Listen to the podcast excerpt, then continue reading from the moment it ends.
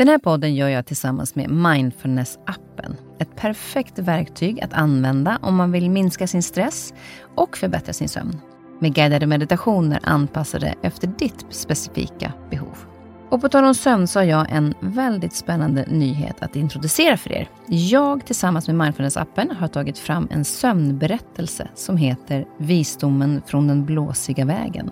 Det är en form av godnattsaga för vuxna som får dig att slappna av i kroppen och varva ner mentalt för att lättare kunna somna. Följ med mig på en förtrollande resa som vaggar in dig i drömmarnas värld och önskar dig en skön god nattsömn. Du lyssnar på en podd från Perfect Day. Det är dags för sista sommarspecialen innan höstens nya avsnitt sätter igång. Och då har jag tagit ut klipp från tre olika personer som pratar om ledarskap på olika sätt. Både hur man leder andra och hur vi leder oss själva. Det är Christer Olsson som bland annat berättar om hur han hanterat sorg och saknad efter att plötsligt förlorat sin fru. Svante Randler pratar om skillnaden på chef och ledare och vikten av återhämtning. Och så är också Johannes Hansen med. Och varje gång vi har sett så har samtidigt blivit så långa så att det har delats upp i två. Och eftersom han har varit här två gånger så har det alltså blivit fyra avsnitt totalt. Men jag har plockat ut från det avsnittet där vi pratar om vilka vi ska lyssna på som vi har runt omkring oss när vi behöver råd. Och hur ska vi tänka när vi till exempel vill byta jobb för att nämna lite av det han pratar om. Vill ni lyssna på hela deras avsnitt så nämner jag det i slutet. Så lyssna klart så får ni vilka avsnitt det handlar om. Välkommen Christer. Tack så hemskt mycket. Jag, blev ju, eh, jag är lite rörd att du är här faktiskt, för att du berör... När jag skrev till dig, i, det här är några månader sedan, så skrev jag ett sms till dig och hade liksom lite grann tagit mig mod till det, för jag har beundrat dig väldigt länge och eh, älskar att lyssna till dig. Och så skrev jag och frågade först hur, eh, hoppas att allting är bra och sen så skrev jag att undrar om du vill vara med i min podd. Och då svarade du, allt jag kan kontrollera är rätt okej. Okay. Men det blev bättre nu, med, ännu bättre nu när du ställde din fråga. Och så tänkte jag, så här, Gud, vilken, alltså, vilket fint sätt att svara. Men sen så reflekterade jag över ordet allt jag kan kontrollera. Så då googlade jag och då först såg jag ju att du hade förlorat din fru. Ja. Och då blev det ändå en, en, eh, en sån varmt, ett sånt varmt svar eh, i en sån situation där du formulerar på ett sånt sätt. Och Det är väl också det som gör att du berör på så många olika sätt. För Du, är väldigt, du är otroligt kärleksfull. Hur mår du idag? Jag mår faktiskt jättebra. Mm. Ja, och det, det, och jag har haft, eh, det har varit en jobbig liksom, process det här. Liksom andras förväntningar på, på hur jag ska må och hur jag faktiskt mår. Jag, jag pratar väldigt mycket om att vara ärlig och vara autentisk och vill verkligen vara autentisk och ärlig. Och, och, så jag hade ju problem med det när jag fick den frågan eh, för en tid sedan. Får jag lov att säga att jag faktiskt mår bra redan? Och för då är det ju någonstans i min hjärna är det ju allt jag kan kontrollera är bra. Det är klart att jag saknar Karina och det är mycket jag hade velat ha annorlunda. Men nu är det inte annorlunda. Nu är det så här och jag mår faktiskt bra och lever ett bra liv. Eh, och jag, min bror skickade ju mig en låttext som jag fastnat på hjärnan. Feeling, feeling bad, not feeling bad. Ja. Eh, och då tänkte jag, nej, jag lever ju livet levande och det gjorde jag Karina också. Jag tänker fortsätta att leva livet levande. Mm. Eh, och jag gör bra dagar. En dag, bra dag blir inte... Du kommer aldrig höra mig säga ha en bra dag. En bra dag är inget man har, det är något man gör. Eh, Exakt. Och det, alltså, det, ja, just det. Jag brukar skriva ha en bra dag. Det, ska inte, det, var ju, när, det är det jag älskar också med dig, för du vänder och vrider på orden. För det har du också pratat om det här med liksom att eh, allt från att, att älska, att, att det är ett verb Ja. Att saker och ting man gör, ja. det har du ju ett ansvar för och kan påverka själv. Ja. Ja, alltså min grundläggande devis i livet är ju att vara eh, prövande, lärande och därigenom levande. Mm. Och Det är det som är mitt liv. Att vara prövande och lärande. När, när man är prövande och, och, lärande, då blir man levande. Och Jag möter ju så många människor som inte upplever att de lever sina liv, utan de existerar bara sina liv. Ja, men det är för att du inte är prövande och lärande. Det, det är liksom, du har det i dina händer. Ja, men det var någon som sa till mig, hur orkar du hålla på och lära hela tiden? Men orka hålla på och lära. Alltså det verkar som att ibland också så att, att folk tror att det känns som att det är en ansträngning att vara ja. prövande och lärande. Mer istället att det ger ju faktiskt energi. Ja. I att vara det. Alltså det. Jag pratar mycket om det här. Alltså det, människans absolut mest grundläggande... Vi har två extremt grundläggande behov. Det absolut mest grundläggande behovet det är behovet att vara behövd. Det kommer vi garanterat tillbaka till. Och Det näst viktigaste existentiella behovet för att känna lycka, det är just att lära.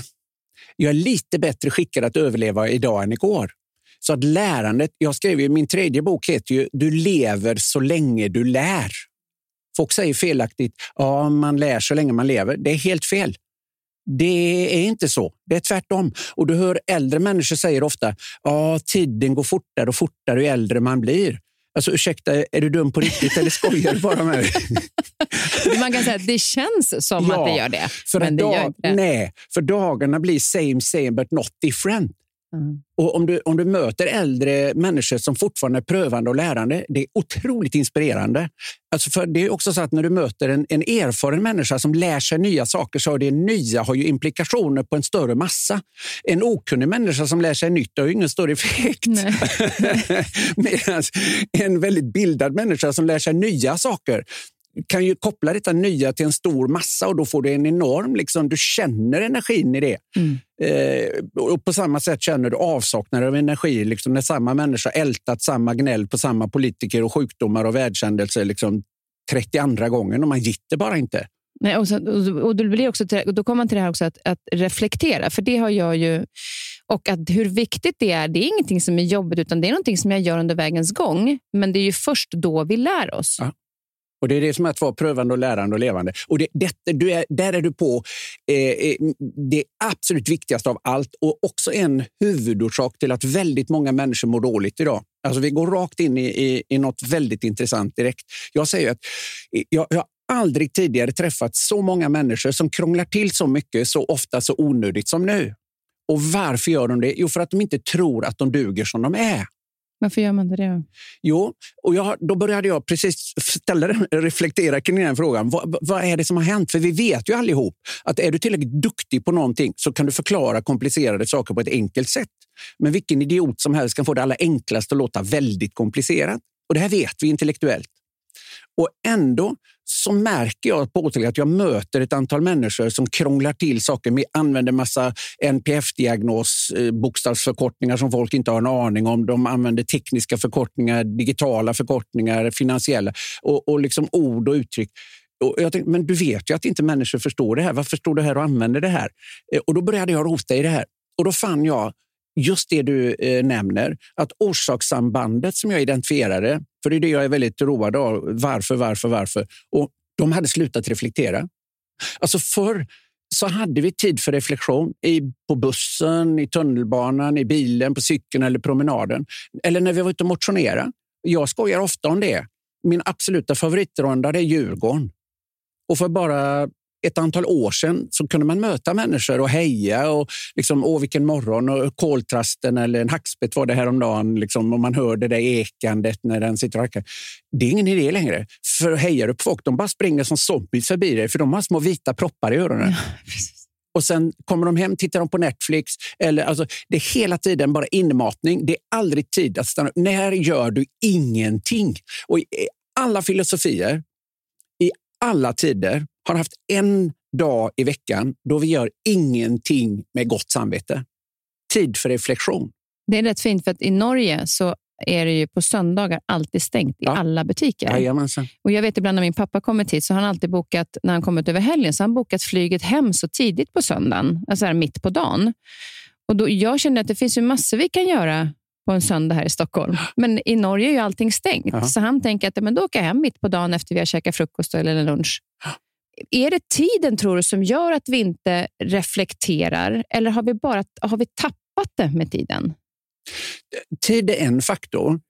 Sen träffar jag alldeles för många människor som har gjort hela livet till en prestationsarena. Vi ska prestera när vi ska äta, vi ska prestera när vi ska hålla kroppen i ordning. Vi ska prestera när vi är på jobbet, vi ska prestera med barnen, vi ska prestera. Liksom, alltså, eh, och, och Då har hela livet blivit någon form av förbättringsprojekt så eh, de gör ju det liksom med någon form av vällovligt syfte. De, liksom, eh, de, de, de, lyssnar på saker för att bli bättre. Inte för att just reflektera, inte för att koppla av, inte för att liksom må bättre. Och jag kommer så väl ihåg eh, och Det har påverkat mig jättemycket. Jag hade ju en, en, en professor i pedagogisk psykologi, Torbjörn Stockfeldt, som mentor i många år. Han hjälpte mig fantastiskt mycket. Och han var bland annat eh, jobbade han på GIH och vid ett tillfälle var jag ute och besökte honom där. Eh, och så sa han, ta med dina träningsgrejer så kan vi liksom springa och prata. Och så, så, så gick vi ut och sprang och vi hade inte kommit långt. Så tar han mig i armen. Så han stopp lite Christer. Så lugnt och fint. Så, så tittar han på mig. Så han, Christer, springer du för att vara bra eller springer du för att må bra? Äh, jag springer ju för att må bra då springer du för fort.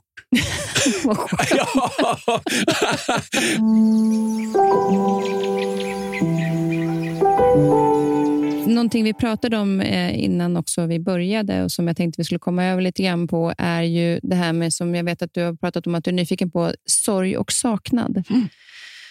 De två bredvid varandra på något sätt. Mm. Eller vad, vilket samband har de? Ja, jag, jag, jag har ju funderat jättemycket på det här nu då, i och med att det här, det här som hände mig i, i höst.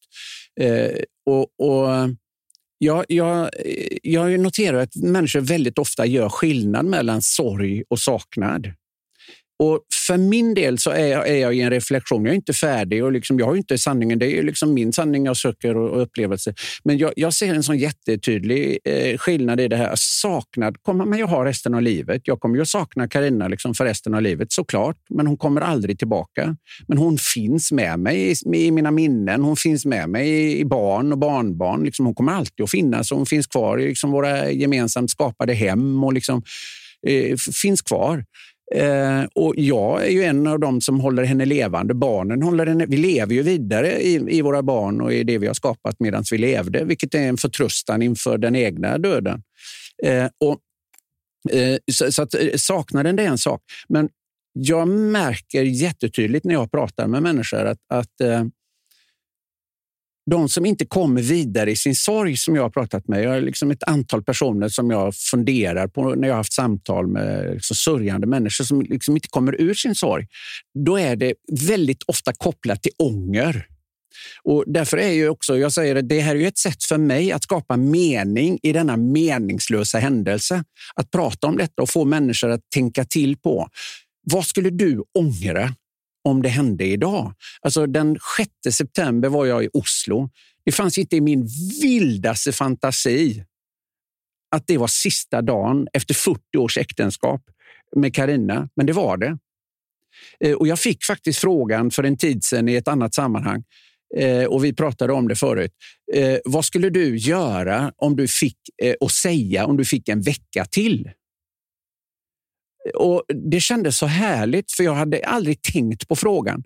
Men det kändes så skönt att bara naturligt kunna svara ingenting. Jag skulle bara kramas. Jag skulle inte säga, jag skulle inte prata så mycket, för jag har inget osagt. Jag har inget ogjort. Jag sa hur mycket Karina betydde för mig och jag sa alltid det hon som gjorde mig. Det är liksom, det, det, det, ja, hon var en förebild för mig och det är liksom mycket, hon var frisör. Eh, och, var så extremt bokad. Eh, eh, hon var bokad sex veckor i förväg och jag tyckte det var så fascinerande att vara så fullbokad. För de släppte en dag efter sex veckor och tio minuter var den fullbokad. För hon ville inte vara bokad längre än sex veckor. Det kunde hon varit. Hon jobbade ihop med Bindefält när han var frisör i mm. Göteborg på den tiden. Eh, och hon, var, hon tjänade jättebra med pengar och var så eftertraktad som frisör. Och Jag var så avundsjuk på det. Att vara så uppskattad för det du kan och din liksom färg och formförmåga. Eh, så det, hon var jättemycket inspirationen för mig när jag sen började läsa och jag började liksom det här att, att jag är där jag är idag. Liksom att få, vara, bara liksom få jobba med att bara vara den jag är. Åka omkring liksom och få lära mig saker av kloka människor och, och liksom resonera och dialoga kring sådana här viktiga frågor. Det var väldigt mycket hennes förtjänst och det, det, det var jag väldigt tydlig med. Och, och liksom så att det, finns, det, det finns inget osagt. Och därför eh, funderar jag mycket på det här liksom att eh, jag har en väldigt ren liksom, kanal när jag tittar bakåt. Och Det tror jag hjälper mig väldigt mycket i att gå vidare. Och, och Det är också det jag försöker uppmana människor. Hur är det i din kanal? Eh, om du tittar bakåt i förhållande till dina barn, föräldrar, vänner, bekanta. Liksom. Se till att göra det rent medan du har möjligheten så slipper du liksom drabbas av en, det jag kallar för den negativa sorgen kopplat till ånger. Då. Mm. För det är någonstans när du pratar om det, för sorgen, när vi pratade om det lite grann innan, så säger jag ju att man drabbas av sorg eh, och det gör man ju då direkt när någonting sker, oavsett mm. om det kanske är en relation eller en, någon som går bort, eh, någon som dör. Men att saknaden, den kommer ju vara, som jag då säger, grundad i kärlek, annars hade jag ju aldrig saknat. Så den är ju väldigt fin eh, för mig att känna. Ja. Men sorgen, jag ser ju att sorgen är någonting du kan bearbeta och bli av med. Saknaden kommer alltid att finnas kvar. Helt enig. Så det är mer ett tillstånd och då är frågan så här, vad är kopplat till den sorgen? Och då tänkte jag på det när du sa just det här med att man ångrar saker. Vi har inte sagt det, vilket gör att det tar längre tid att komma över sorgen ju längre tid du väntar med att bearbeta de sakerna som skapar den. Ja. Men saknaden, omfamna den istället. Ja, det gör jag. För den är ju bara ja. kärlek. Ja. Jag tycker saknaden är ljus ja, ja. efter Det är den för mig med. Och jag har ju med mig Karina i alla... Hemma går jag och småpratar med. Vad har du det nu då? Vad har du lagt det? Liksom. Men var la du det? Ja, exakt. liksom, jag hittar ju inte grejer i mitt eget hem. Och så jag pratar ju med henne varenda dag hemma. Eh. men, men, och där är ju då den intressanta delen just att, att få vara i saknaden. Eh, för att det som man kanske inte... Som alla fall det är den fysiska, precis som du säger, det här att kunna krama och känna igen. Ja. Vad är det man ska göra om man känner sorg, att sorgen bearbetandet av sorgen tar så lång tid? Är det att man kanske inte förstår den, vad sorgen kommer utav, eller att man inte tar tag i den? Jag tror, det, jag, vet vad, jag tror jättemycket på det eh, du beskrev innan och den bekräftar någonstans liksom min... För det här är ju helt ovetenskapligt. Det, jag har inte pratat med någon varken präst eller psykolog eller något professionell, utan det här är mina personliga reflektioner som jag gör liksom helt oprofessionellt men egenupplevt. Men jag tror jättemycket det du sa förut, att eh, du, du, du, hade, du, du hade lärt dig en metodik där man fick skriva ett brev mm. eh, och förlåta andra människor och be om förlåtelse. Den, den tror jag på. Och I andra kulturer har man ju den döde hemma och pratar med den döde innan man begraver dem. Det är i vår kultur det blir så kliniskt. Ofta dör man på ett sjukhus, musslas ner i en katakomb, läggs i en låda och så ser man en låda. Eh, det var för övrigt något vi också gjorde. Träffade Karina i liksom död och tog farväl en gång till, så att säga, jag och barnen. Vad betyder det?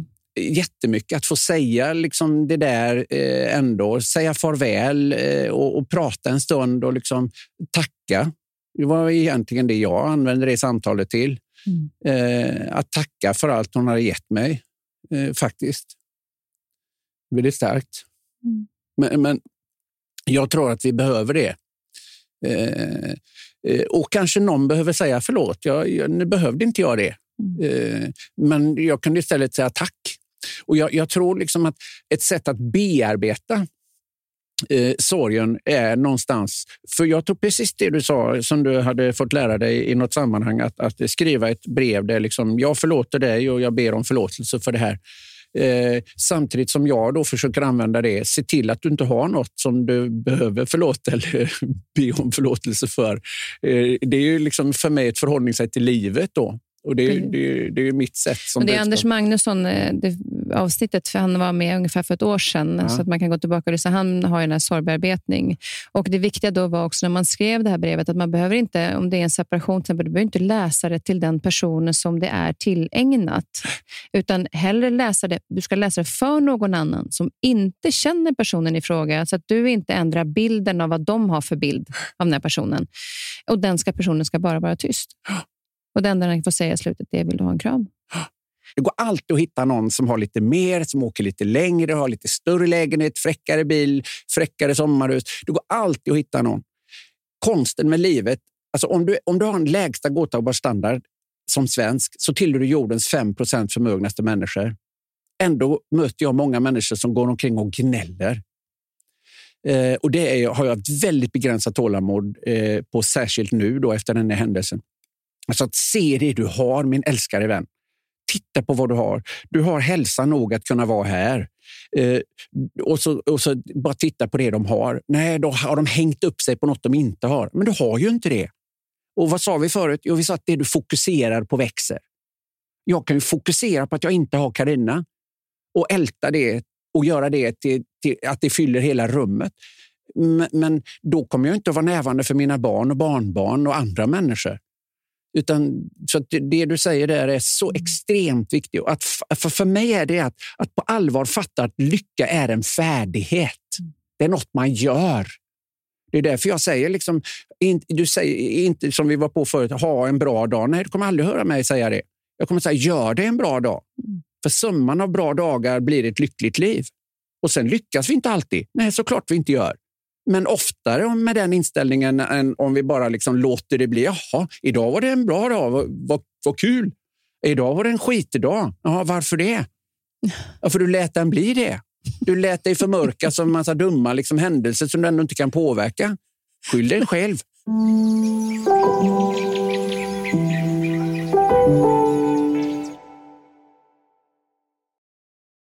Jag har ju mitt egna motto då, som jag försöker leva efter varje dag. Annars blir det inte ett motto. Eh, tänk om vi måste tänka om. Skriver man ner det motto så blir det lite fräckt. För tänk om vi måste tänka om. Det är tänk om på två ställen. Men tänk om det är så att vi måste tänka om. Och till och med när vi tänker om, tänk om det är det som är lärandet. Eh, men jag, det är jag lite fundersam över, då, för att nu är du, du brinner ju för det här med ledarskapet.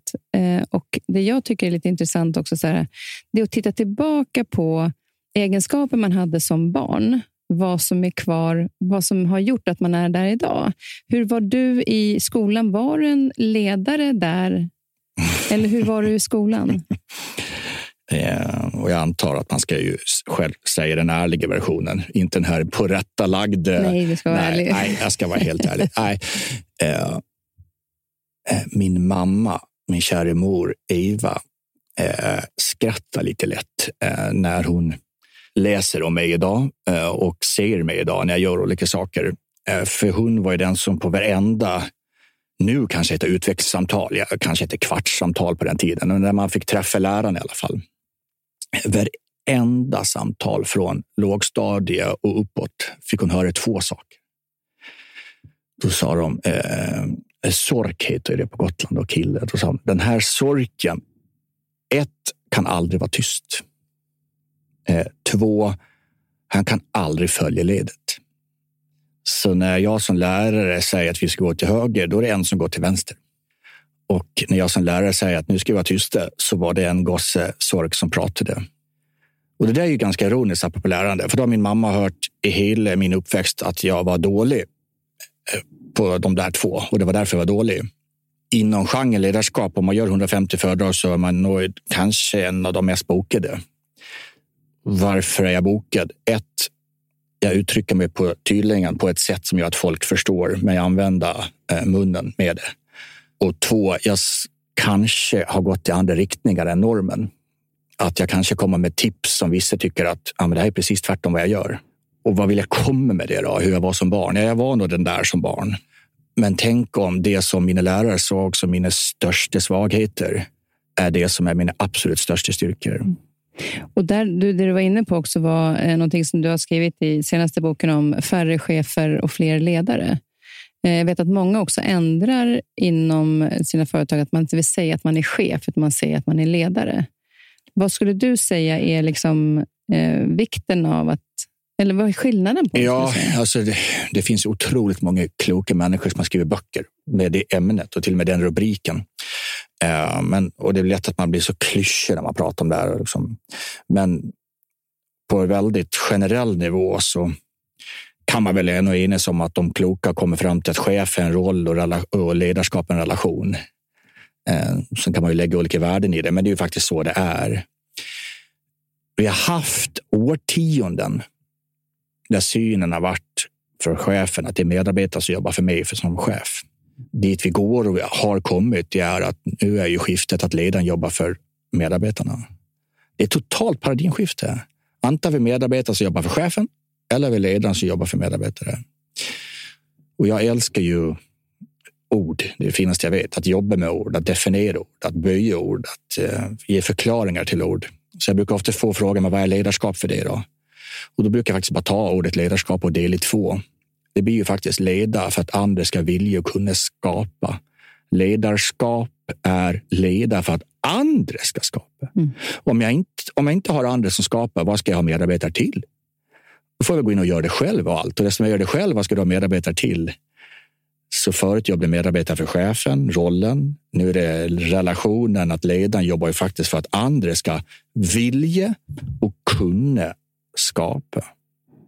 Lärandet är fantastiskt och att reflektera över det så vi verkligen också tar hand om det lärandet.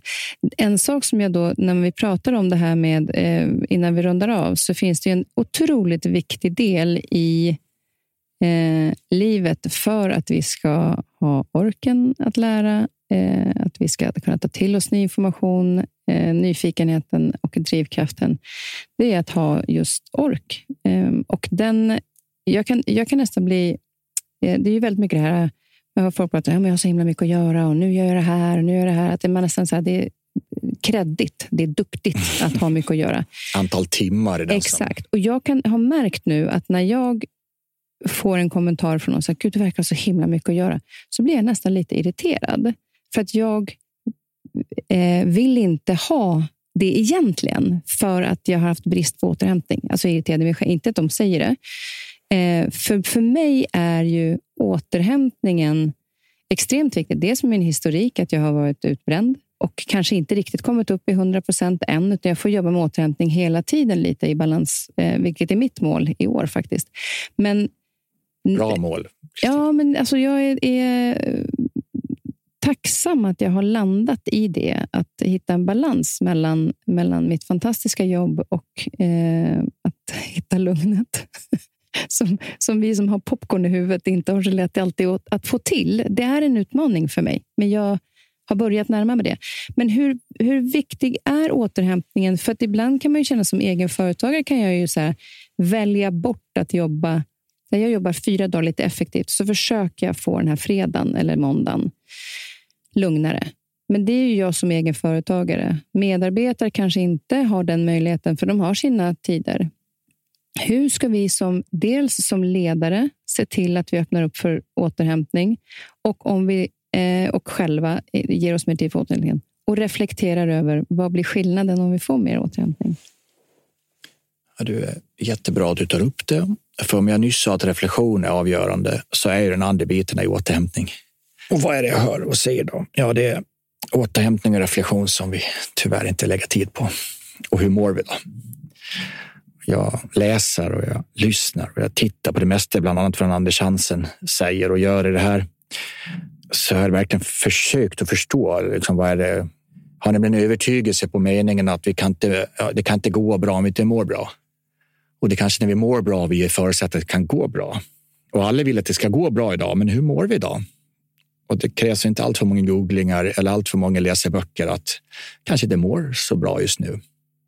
Anders Hansen har till och med sagt att som Sverige, redan innan pandemin, så var det ju att ja, som Sverige, som land har vi nog aldrig mått bättre innan pandemin. Nu är det lågkonjunktur, men det var innan pandemin. Men människorna har inte mått sämre.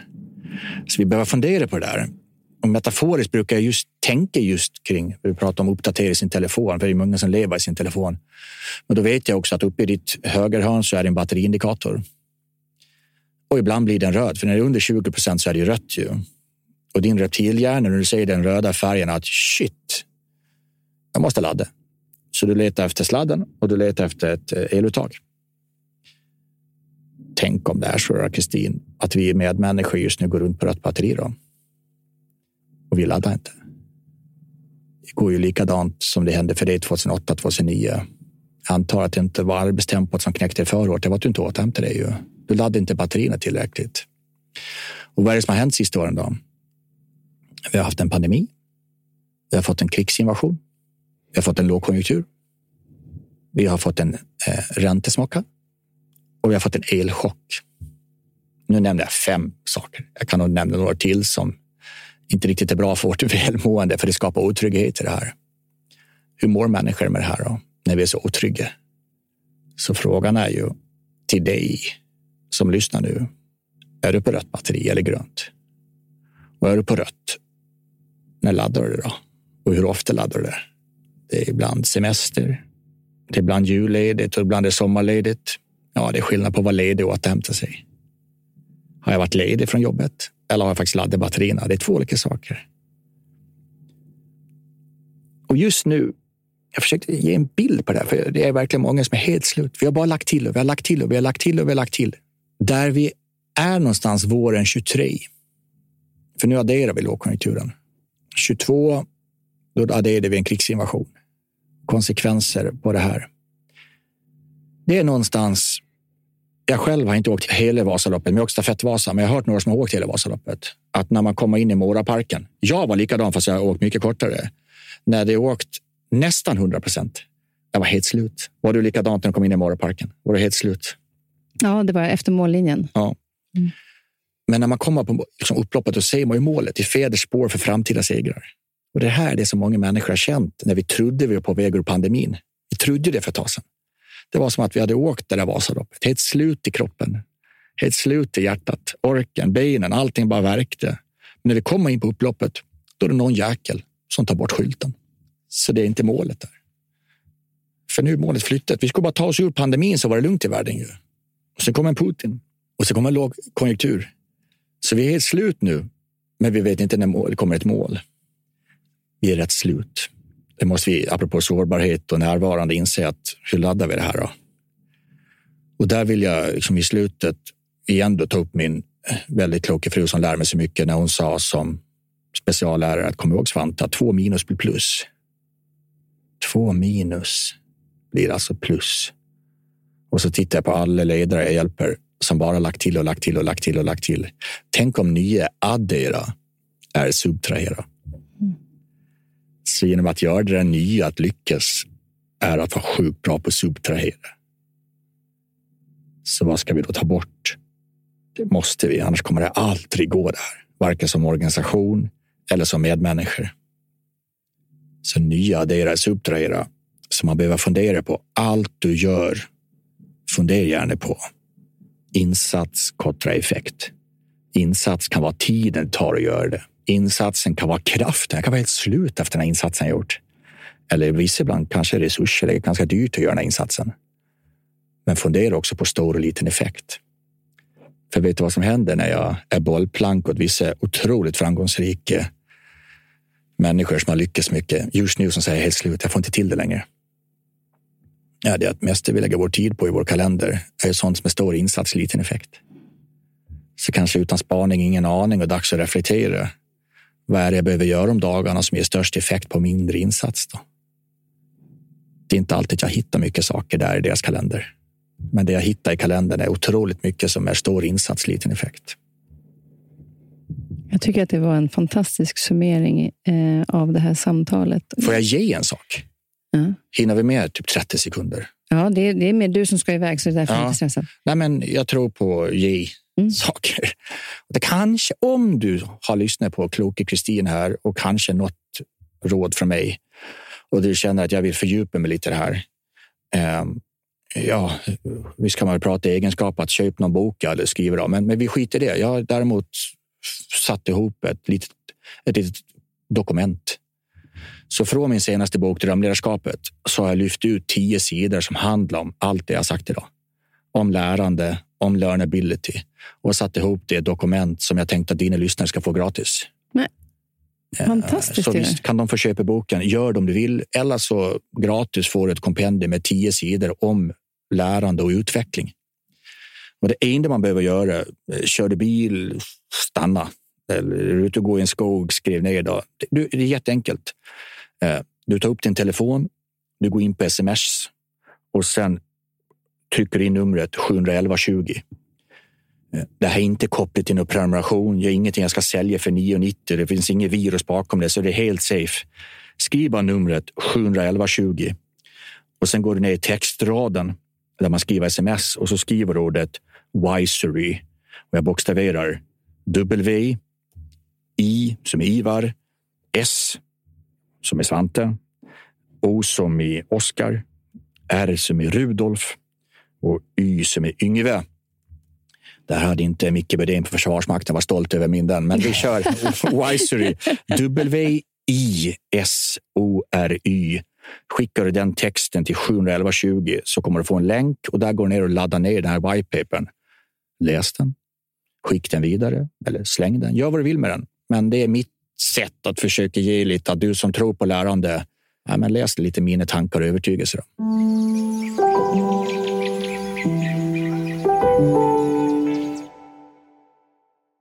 Vi är på väg mot ett nytt år. 2022 har på många sätt varit oroligt med kriget i Ukraina, valrörelsen, energipriser, inflation etc. Och för att hitta kraft och tro in i det nya året så har jag bjudit in Johannes Hansen som var med i avsnitt 26 och 27. Tanken var då att det skulle bli ett avsnitt. Vi pratade ganska länge och då blev det två. Många anser att han är en av Sveriges främsta mentala rådgivare. Johannes är också föreläsaren och författaren som dagligen inspirerar flera tusen människor genom sin podcast, Facebook-sida, blogg och genom sina böcker.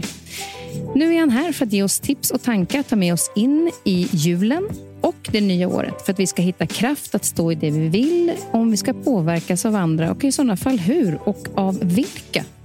Vi själva behöver känna och förstå vad vi behöver välja bort som drar ner vår energi och vad vi själva kan göra för att få kraft och tro inför nya året.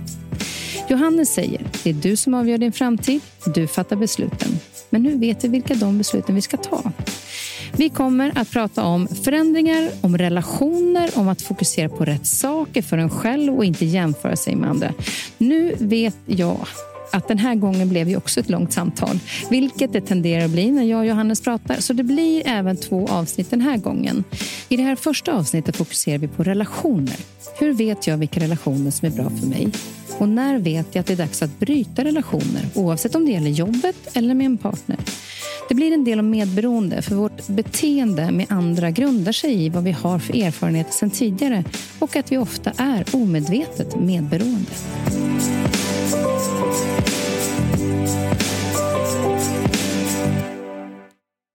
Om eh, vi relation, har relationer till exempel, så är det väldigt lätt att vi lyssnar till människor runt omkring oss mm. som vi har relationer med. Om mm. vi till exempel är på en osäker plats.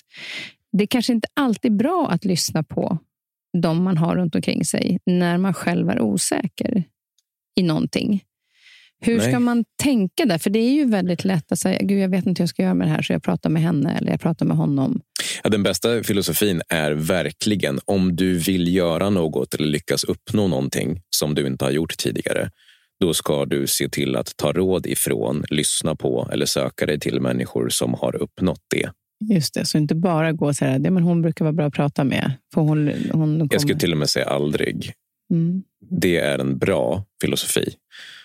Betyder det att en person som är bra att prata med inte ger värde? Nej, men det är en bra filosofi att om du skulle börja bli så kompromisslös, att när du har en ny ambition eller en impuls eller en idé om någonting som du vill lära dig mer av eller något du vill uppnå eller de facto en förändring du vill göra. Och Då behöver man inte gå så snabbt till att man kanske har någon direkt som man vet den där har gjort det, så tar man en fika med den. Om man nu inte har det. Annars skulle jag gjort så. Annars finns ju jättemycket att läsa och lyssna på. Det är ju det fina nu med podcasts och liksom massa artiklar man kan läsa eller böcker man kan köpa. Så att man direkt får ett perspektiv från någon som vet hur man löser det. Därför att även hur svåra problem du än står inför så finns det alltid någon som har löst det. Ja, för jag kan känna att är, man, är jag till exempel lite osäker i någonting och så går jag och pratar med någon annan, då kan jag ibland uppleva att jag lyssnar mer på vad den andra tänker och tycker att jag borde göra än vad jag själv Såklart. kanske vill eller känner. För då tänker jag så här, ja, men den personen har ju Ja, men det där låter ju klokt, för de har gjort på det här sättet. Den får ännu mer inflytande över dig, därför att du är osäker. Ju.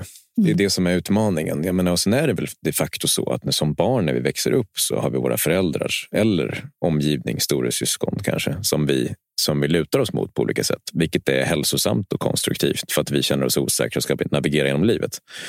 Men det är det fina med att bli vuxen, vilket många inte blir. ska man väl säga. Eh, det är ju att börja sortera. Vem vänder jag mig till om vad? Och på vilket sätt tar jag support? Och är jag bra på att till och med formulera vad jag behöver för support?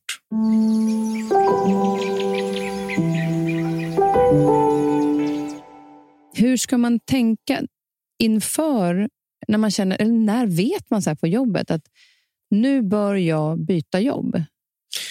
Ja, men en princip som är bra när det kommer till både relationer och jobb är att om du är en person som brukar eh, ganska snabbt reagera och flytta vidare. Liksom. Nu är det slut här, eller nu ska jag byta jobb. Och du vet ofta, känner ofta igen dig själv i det. Att du, du liksom dyker emellan ganska snabbt. Då brukar det vara bra att reflektera lite längre. Och göra motsatsen? Alltså. Ja, göra motsatsen. Och att istället ägna lite tid åt att hitta vad är dina beslutskriterier, då, om man får säga det. Så vad är det som du faktiskt nu instinktivt känner är fel så du vill byta eller lämna? Okay. Lägg lite tid tillsammans med någon, gärna då ett proffs. Då, eller I mitt fall så har jag skrivit eh, Starkare boken, som är den senaste jag skrev. har jag gjort ett antal sådana principer. Titta på de här, liksom, utvärdera det eh, så att du blir bättre på att reda ut vad som är viktigt för dig. Så det är lite mer reflektion, för då är det möjligheten att faktiskt komma fram till ja, men det är fel. Men du vet också vad du ska ta med dig till nästa. Så att det inte blir en, en till på samma sätt. För att du går på instinkt bara och känner det här är fel. Jag går till nästa, hamnar fel igen. Liksom. Är du en sån person däremot, och det här brukar man också kunna känna igen sig väldigt snabbt, som är kvar för länge. alltså som, som är kvar i relationer länge och som är kvar på jobb länge trots eh, att omgivning eller du egentligen tar flera loopar i ditt huvud på att det här är fel ja, men då, då är det för sent ute till och med. Liksom. Men då ska du verkligen lämna. Och du ska verkligen sluta. Det brukar vara en bra ingång till det mm. i konversationer. För då brukar man instinktivt direkt bara, men det där är jag. Klokt. Okej, okay, det är det jag ska göra alltså. Eller jag är kvar länge. Fuck, jag ska lämna alltså. Det är ju skitjobbigt. Hur fan gör man det då? Och hur gör man det då? Precis. Först så behöver man gå med på att det är det man ska göra. För nu kommer förhandlingen igen, va? eller att säga, Sa han det till mig? Jag vill inte göra det han säger bara. Nej, eh, du ska göra det du kommer fram till, men du kan få mitt råd att om det är så, så är det förmodligen gått för långt. Okej, okay. så det fakt nu blir det ju väldigt komplicerat. Det vill säga, det finns många vägar här. Jag vet inte hur relationen ser ut. Mm. Jag vet inte vilket jobb det är. Jag vet inte vem det är som har gjort vad över tid. Men det viktiga är ju första steget som är beslutet. Jag ska alltså göra det. Och sekunden som du fattar ett beslut, då händer någonting. Och Det som händer är att du istället för att förhandla om beslutet börjar fundera på hur det ska gå till. Och så vill vi organisera oss mentalt. Det vill säga, vi vill inte tänka på hur det kommer gå till för att förhandla om beslutet. Mm. Okay? Som jag till exempel tänker att jag ska göra slut och det har gått långt. Och jag har inte bestämt mig för att göra slut. Men jag tänker på hur personen kommer reagera innan jag bestämt mig om jag ska göra slut, då är jag fucked. Såklart. På samma sätt som ifall jag tänker på vilka kollegor jag älskar runt omkring mig och hur kul jag har på jobbet, men att det fortfarande är fel för mig. Och Jag tänker på hur alla de kommer reagera när jag ska fatta beslutet. Då kommer jag inte fatta beslutet om att jag ska lämna. Men om jag börjar med att hitta min egen, kalla det för rational, då, det vill säga min logik, eller kalla det för vad den sammansatta beslutskriterierna kommer fram till. Det här är viktiga saker för mig. Det här har gått för långt. Det här mår jag inte bra av. Det här kan jag göra istället. En serie sådana. Där fattar du beslutet. Och sen så börjar du fundera på vad är stegen? Mm. Och det är ju kanske låter som en lek med ord, men det är fan inte. alltså. Det är en otroligt stor skillnad i hur någon navigerar sen. För då kommer man ju börja själv fundera på manus, alltså vad man faktiskt ska säga. Man kommer behöva, om man är klok, även tänka på konsekvenserna av det man säger så att man kan göra det på ett smart sätt. Och här är problemet att de flesta gör inte den planen. Så att man tänker till exempel att det bästa scenariot som skulle kunna hända kommer hända eller det värsta kommer kunna hända. Men man har ingen alternativplan för ifall det andra händer. Man har liksom inte gått igenom scenarion framför sig utan det man har gjort och många menar ju på det har jag visst gjort. Jag har sett massa scenarion framför mig. Nej, det du har gjort är att du har haft ångest och du har grubblat över ett enda scenario som är det värsta som skulle kunna hända. Det är det enda du har sett på repeat i huvudet. Så du har inte gjort en faktisk planering för hur det här ska gå till. Utan du har bara blivit livrädd för det första samtalet och det värsta som skulle kunna hända. Och sen ifall det går bättre så vet du inte ens vad du ska göra. Så då vill du tänka lite längre här. Vad finns det för moment i att göra slut, säger vi då? Om det är ett första samtal som såklart kommer vara superjobbigt förmodligen. Kan du reflektera över, har du gett några som helst signaler på det här? Har ni snackat om det överhuvudtaget? Och har ni inte det så är det förmodligen en chock för personen.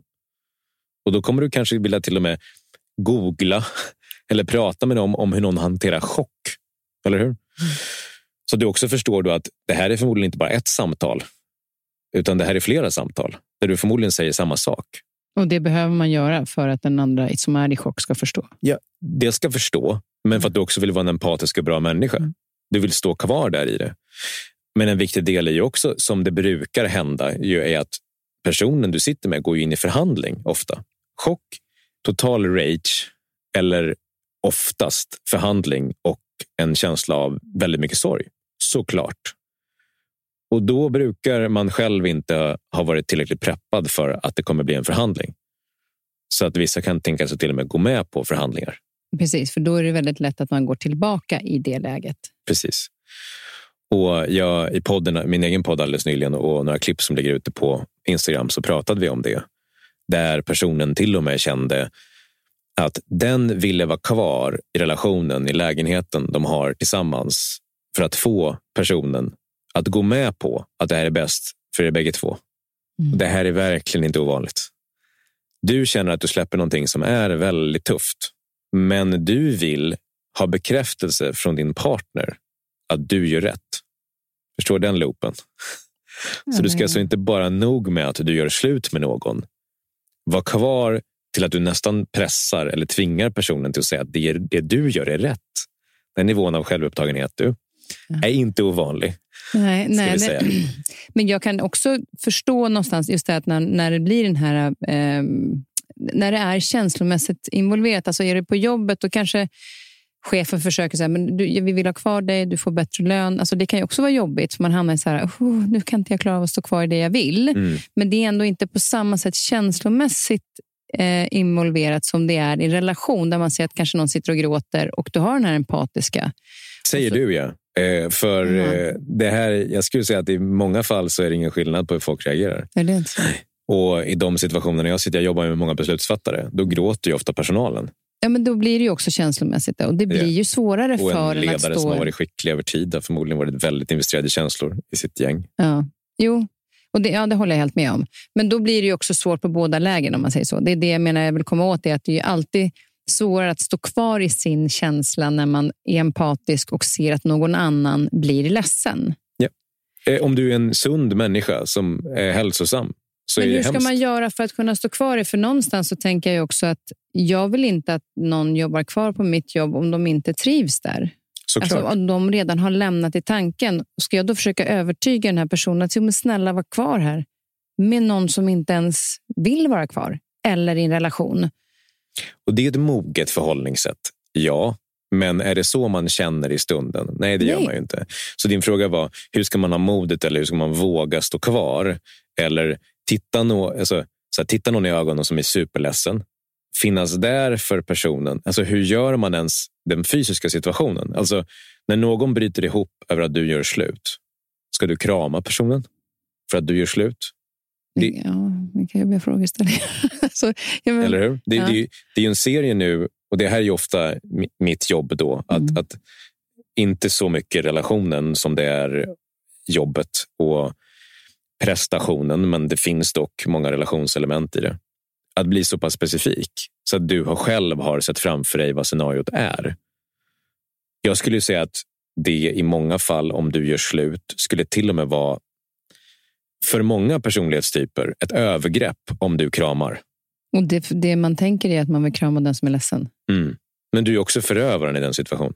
Ja, så är det ju. Så ska ni försonas när du gör slut? Nej. Alltså, vi ska ju göra slut. Jag går bara igenom scenarion här. Och ja. vissa, alltså, vissa svarar ja direkt och andra säger nej. Och Mitt råd skulle vara absolut inte i stunden. Det är klart att ni vill komma till en plats där ni kan vara vänner och förhoppningsvis älska varandra resten av livet. Om det nu är på en sån plats ni är. Men i situationen, nej. Men om den personen vill ha en kram, då mm. är det någonting annat. Absolut. Ja, då, då är det ju... Absolut. Men det är till och med på det planet att man skulle kunna säga att om, om du hade mogna eller vuxna perspektiv så skulle du väl kanske inte ta den kramen på det sättet. Om den nu slänger sig över dig för du ska lämna. Mm. Uh, skaver en del här också. va? Mm. För är det kanske inte då någon typ av strategi för att förhandla Lämna även det? Inte mig. Och jag vet inte vad ni tidigare haft för situationer där det kanske fungerade då och sen gav du upp formuleringen.